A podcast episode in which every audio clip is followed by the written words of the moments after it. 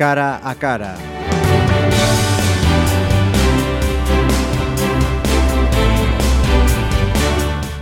Saludos, un cara a cara este en el que vamos a conocer a una entidad que lleva ya muchos años asentada en Pontevedra, pero la hemos acercado para conocer a su actual presidente y algunas de las actividades que desarrollan. Estamos hablando del Rotary Club de Pontevedra. Es una organización eh, que existe desde comienzos del siglo XX, surgió en Chicago actualmente eh, está representada en 200 eh, países. Su objetivo es prestar servicios humanitarios en las comunidades donde están representadas acciones contra el analfabetismo, enfermedades, pobreza, deterioro medioambiental. ¿Y mm, por quiénes están integrados? Bueno, pues según he visto, Juan Carlos Pérez, eh, bienvenido, mm, por cierto, a la entrevista que estoy aquí ya adentrada en el discurso. Buenas tardes. Y todavía no te he saludado. Eh, decía, eh, según tengo entendido, sus integrantes han de ser líderes profesionales o empresariales para prestar esos servicios. ¿no? Em, acláranos un poquito el concepto este de líderes empresariales o profesionales. ¿Está esto muy acotado o mm, cualquier persona puede entrar a formar parte de un club rotario? Vamos a ver, es cierto que en sus orígenes eh, era un acceso más restrictivo para el club. Solamente se, se permitía una categoría profesional al respecto. Eh, por ejemplo, pues un profesor, un médico, un juez, etcétera, etcétera, etcétera. Eh, también se buscaban determinadas profesiones con determinada posición social, más que nada por la red de, acceso, de contactos que te permite pues, este tipo de, organizaciones. Hoy en día se ha abierto más a otra serie de profesiones distintas o, el hecho de que hayan distintas eh, personas que siendo del mismo gremio también participen. Por ejemplo, pues de banca, pues eh, antes solo podías tener uno de banca, pues ahora puedes tener varios, tal e incluso pues cualquier tipo de persona. Sí que hay una serie de requisitos de edades, eh, no tope, porque hay gente, claro, termina, fallece, se jubila, lo que sea, ¿no? Pero bueno, sí que como hay distintas categorías de clubes, desde los más eh, pequeños, Interac, eh, Rotarac, luego pues llegamos ya al club profesional y adultos, a partir de los 30 años precisamente es cuando ya se puede entrar en el Rotary Club, en este caso pues el de el de Pontevedra. Y conforme estabas hablando del tema de líderes y demás, pues obviamente a todo el mundo le gusta estar rodeado de personas que estén bien ubicadas, que te puedan eh, facilitar tu trabajo, tu día a día pero no cerramos las puertas a nadie. Es decir, cualquier persona que, quiera venir, que tenga ganas de echar una mano, de hacer cosas, de implementar proyectos, de conseguir méritos para eh, entidades benéficas o para recursos o tal, aquí se trata de, echar una mano. Como dice nuestro lema, dar de sí antes de pensar de sí. Eh, rompamos tópicos, eh, Juan Carlos. Eh, aquí hay que ser una persona, cuando hablas de eh, líderes eh, con un importante nivel económico. No, vamos a ver, realmente para pertenecer al club sí que es cierto que hay unas cuotas de, socio, unas cuotas pequeñas que se pagan a nivel de distrito porque es lo que sostiene la estructura, el funcionamiento, el, eh, de clubes a nivel local y luego, bueno, a nivel eh, bueno, autonómico, distrital, que es nuestra forma de estructurarnos, e incluso a nivel internacional. Pero realmente, bueno, ¿qué nos cuesta a nosotros el club? Bueno, pues nos cuesta 50 50 euros, 50 55 euros al mes. O sea, es, lo que nos cuesta. También hay que decir que nos reunimos todos los lunes a las 9 de la noche en el Hotel Galicia Palace. Eh, tenemos un pequeño agape sencillo para comer algo, beber algo y tal, y hacemos una jornada de trabajo, reflexión, amistad, en la que también intercambias gustos, cosas y demás. Eh, entonces, en ese dinero que he dicho, esos 50-55 euros, ya está todo incluido, todo lo que tú haces y participas. Luego, todo lo que se consigue, a diferencia de otras ONGs o asociaciones en las que el 90% es donación, el tanto es tal, no, no, aquí el 100% de lo que se recoge en una gala como es el caso que nos ocupa, la gala benéfica, eh, es para el hecho en sí para el que se, se destine. Eh, una entidad benéfica. Eh, la reciente, por ejemplo, que hemos hecho fue el concierto de Navidad que hacemos en colaboración con el Conservatorio Mayeusis, aquí de Pontevedra. Y, el 100% de la recaudación económica fue para, para, los damnificados del huracán Matthew de, de Haití. Sin embargo, luego el 100% de los alimentos, que también la entrada tenía una parte económica y una parte, dijéramos, de, alimentos, ¿no? O sea, física, eh, si no recuerdo mal, el 100% de los kilos era para el, banco, de, alimentos. efectivamente. Eh, sí que es una organización aconfesional y apolítica. Efectivamente. Y yo estaba echando un vistazo eh, a ver quiénes habían sido rotarios. resulta que... Mm, todos los presidentes eh, americanos eh, desde el siglo XX a título honorario, es decir, son rotarios, pero no participan, son miembros de, son rotarios, vamos, miembros del club son rotarios. Lo mismo que el, que el Papa Francisco. Y he visto nombres, pues como del expresidente de Colombia Álvaro Uribe, eh, me llamó la atención también, por cierto, que el eh, dictador chileno Augusto Pinochet también lo fuera, la artista Beyoncé, eh, Hassan II de Marruecos, la que fuera presidenta del Reino Unido Margaret Thatcher, Nicolás Sarkozy, reiniero de Mónaco, el astrofísico Stephen Hawking, Walt Disney también fue. Efectivamente. El, el actor Mario Moreno Cantinflas, y me señalabas tú que el matrimonio Gates, Bill Gates y su esposa, o Pavarotti, también han sido eh, rotarios. Todos estos nombres quizá puedan distorsionar un poquito, ¿no? Esto, esto que nos eh, comentabas.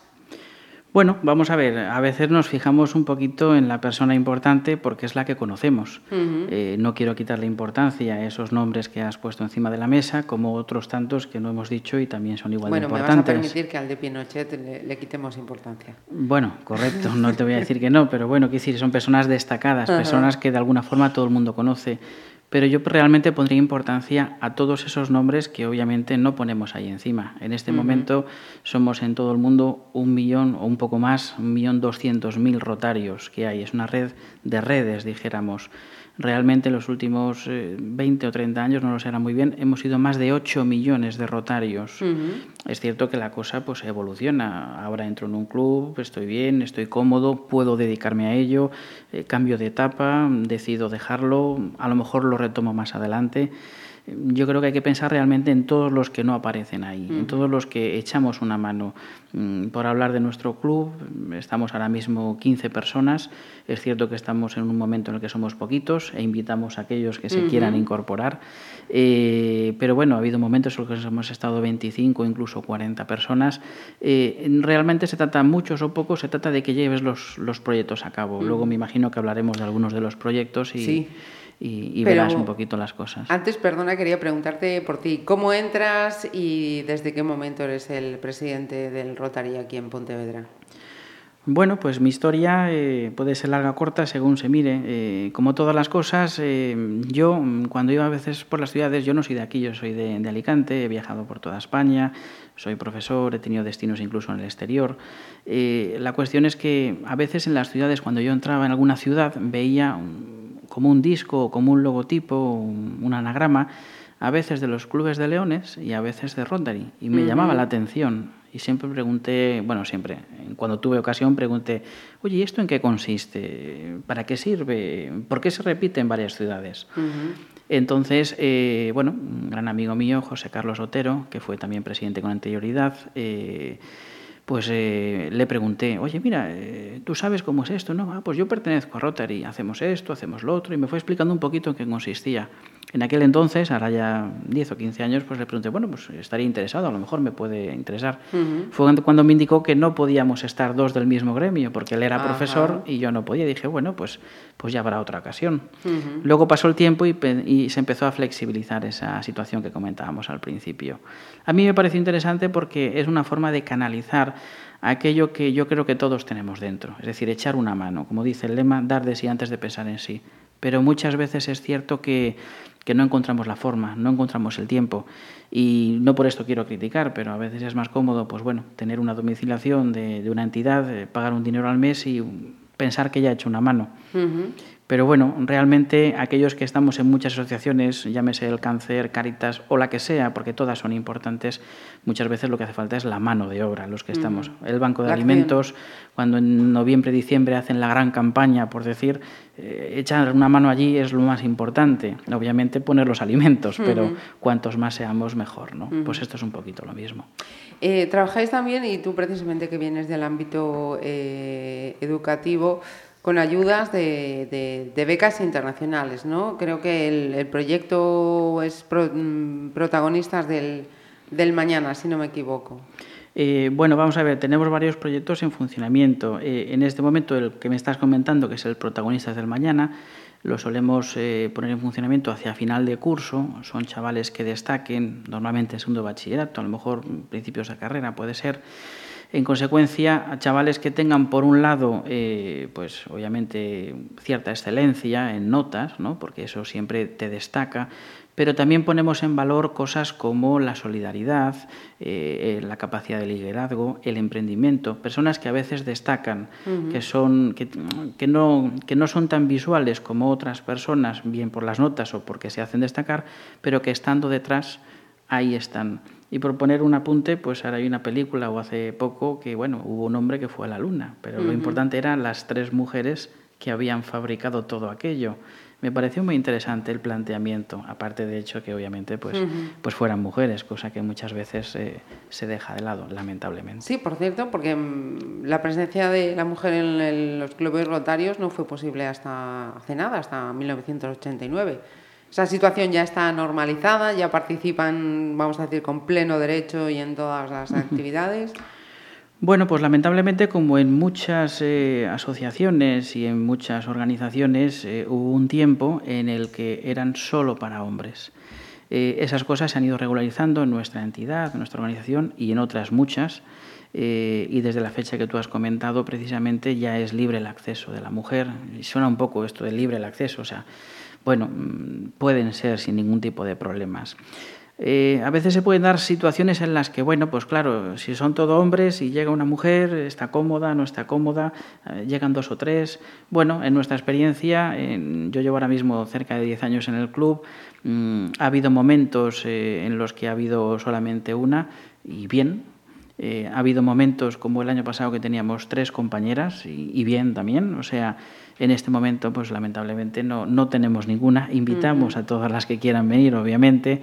Eh, y abrimos las puertas. En ningún sentido hay esa segregación o es, bueno, sexista, ¿no? De sí, chicos, chicas, no. No, realmente no, creo que no es, no es adecuado. Afortunadamente. afortunadamente. Eh, Juan Carlos, hablábamos de esos, eh, esa iniciativa, protagonistas del mañana. otra de las iniciativas también habituales del Rotary son los premios Servir, ¿no? los que reconocéis una entidad de, la localidad, la ciudad donde trabajáis precisamente por su, espíritu solidario. Pues sí, efectivamente. Eh, es una convocatoria que solemos hacer anualmente desde nuestros orígenes. Eh, es cierto que no todos los años se ha podido celebrar, a veces por contingencias externas o, bueno, pues por no haberse dado las, las circunstancias adecuadas. Pero bueno, mm, si no recuerdo mal, vamos ya cerca de, de 20 ediciones las que llevamos en marcha Seleccionamos eh, una serie de empresas de la ciudad eh, que destaquen efectivamente pues, por su impacto en la ciudad, eh, pues, la cantidad de puestos de trabajo que generan, el impacto económico, la imagen, bueno, distintas características. Siempre tenemos tres, cuatro o cinco empresas. Hacemos un pequeño comité en el club, una pequeña votación y entonces bueno, vemos a ver cuáles tienen esas cualidades y hacemos una lista, porque realmente el premio, pues claro, eh, es un agradecimiento que le das a esa entidad, pero la idea es que se canaliza a través de una gala, de una cena benéfica. Entonces, claro, la, interior, la interés cuál es? Eh, poder conseguir un recurso económico para luego podérselo dar a una entidad benéfica. Muchas son las entidades benéficas que han recibido en la ciudad, por decir, pues Asuntos o Gallery Café o mm, pues el Banco de Alimentos, el Comedor San Francisco, bueno, muchos han sido, ¿no? Eh, cuantas más personas podemos juntar en esa cena, precisamente, pues mejor. Entonces es cuando ahí la empresa pues adquiere cierto compromiso. Bueno, pues a lo mejor eh, participan los empleados o, los AEMPE también fue una vez, pues los asociados, eh, según cómo se dé el caso y obviamente todos los que amablemente pues asisten a esta gala y a otras tantas que se realizan, eh, pues no sé, yo sé que en verano pues la del cáncer, por ejemplo, o, la de Alzheimer o otras tantas, o sea, eso es, es importante. Y en este caso tenéis eh, la más inmediata el próximo día 24. ¿Con qué, ¿Con qué fin y en qué va a consistir? Bueno, pues el próximo día 24 tenemos la primera gala benéfica que queremos hacer a través de un monologuista. Es decir, eh, queremos decir, bueno, ya que vas a colaborar, vas a participar, chico, pues pásatelo bien, ¿no? No quiero decir con esto que una cena no te lo pases bien, ni mucho menos. Y, pero es otra forma de pasarlo Pero es otra forma de pasarlo bien. Eh, la tenemos prevista para el viernes día 24, es a las 9 de la noche en el Auditorio a Fundación. Eh, obviamente invito a todo el mundo que asista, que participe. Ahora mismo tenemos el 50% de las entradas vendidas, entonces esperamos que de aquí a la semana que viene, pues bueno, esas cifras se pueda acercar al 100% si Dios quiere. Eh, y bueno, pues eh, la idea es precisamente recoger, recoger fondos, pues en este caso pues para, una entidad benéfica. En este caso, en vez de destinarlo a una tercera empresa, perdón, empresa, entidad, eh, que obviamente todas las necesitan los fondos, lo queremos canalizar a través de lo que llamamos la Fundación Humanitaria de los Rotarios Españoles. Viene siendo un poco la versión española de la Fundación Rotaria a nivel internacional.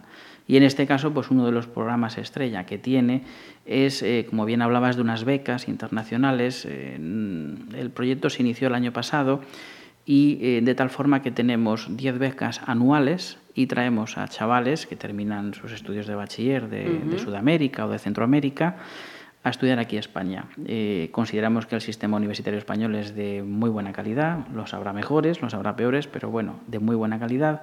Entonces se le ofrece a 10 chavales y chavalas la posibilidad de estudiar en España a gastos pagados. Es decir, se negocia con las, eh, ¿cómo se llama? con las universidades y los colegios mayores, o en este caso pues a banca, por decirlo, pues la posibilidad de que nos bequen una o dos plazas en las residencias universitarias sin coste.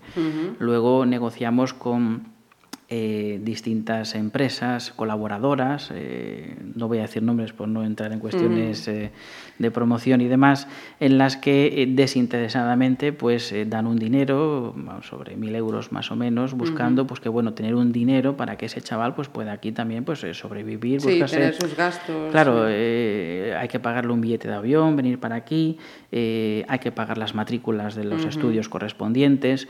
El único requisito que se le pide a los chavales una vez se hace una selección y se ve que tienen un perfil adecuado, obviamente es que aprovechen la oportunidad. Es decir, se te va a becar durante cuatro años, o a lo mejor puede haber una situación de un quinto año, porque se alarga la carrera o lo que sea, pero claro, no se trata, pues bueno, eh, hay algunas personas que por múltiples casos, pues de repente pues dejan los estudios o, o no pueden seguir el ritmo de la carrera o, o, tal, ¿no?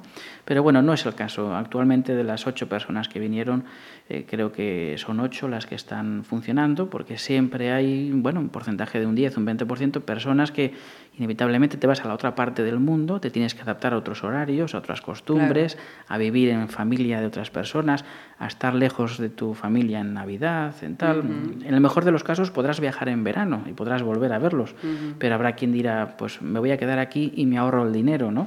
sí, sí. Realmente es que aprovechen la oportunidad. En este momento pues podemos hablar de un compañero que tenemos, un chaval que hay en, en Vigo, que es, es, increíble, porque mm, los problemas de homologación que se generaron cuando vino eh, hizo que en vez de poder iniciar el curso, no este año, sino mm. el año pasado, el eh, o sea, el curso escolar anterior, em, creo que se incorporó a, mediados o finales de noviembre.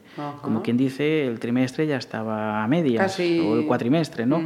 Eh, pues el chaval entraba en la universidad, eh, solicitó las claves de acceso, eh, tenía acceso a todos los contenidos online y seguía las clases de forma online. No me refiero desde una videocámara, sino los apuntes, no sé qué, mandaba ejercicios, porque dijéramos que estaba todo aprobado, menos la, Claro, por cuestión desde que si no te homologan el título, luego los visados, los permisos, bueno, algo que para nosotros como aquí españoles o europeos, pues cojo mi pasaporte o cojo mi DNI y viajo, entre comillas, por cualquier parte del mundo y entre comillas no pasa nada, hay otros países que sí que tienen ciertas complicaciones.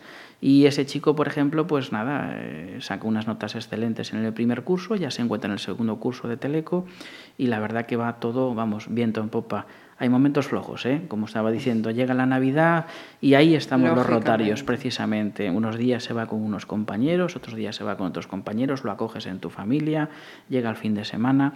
Precisamente es un poquito, es un poquito lo que todos echamos una mano sin, sin, que nos cueste demasiado, dijéramos.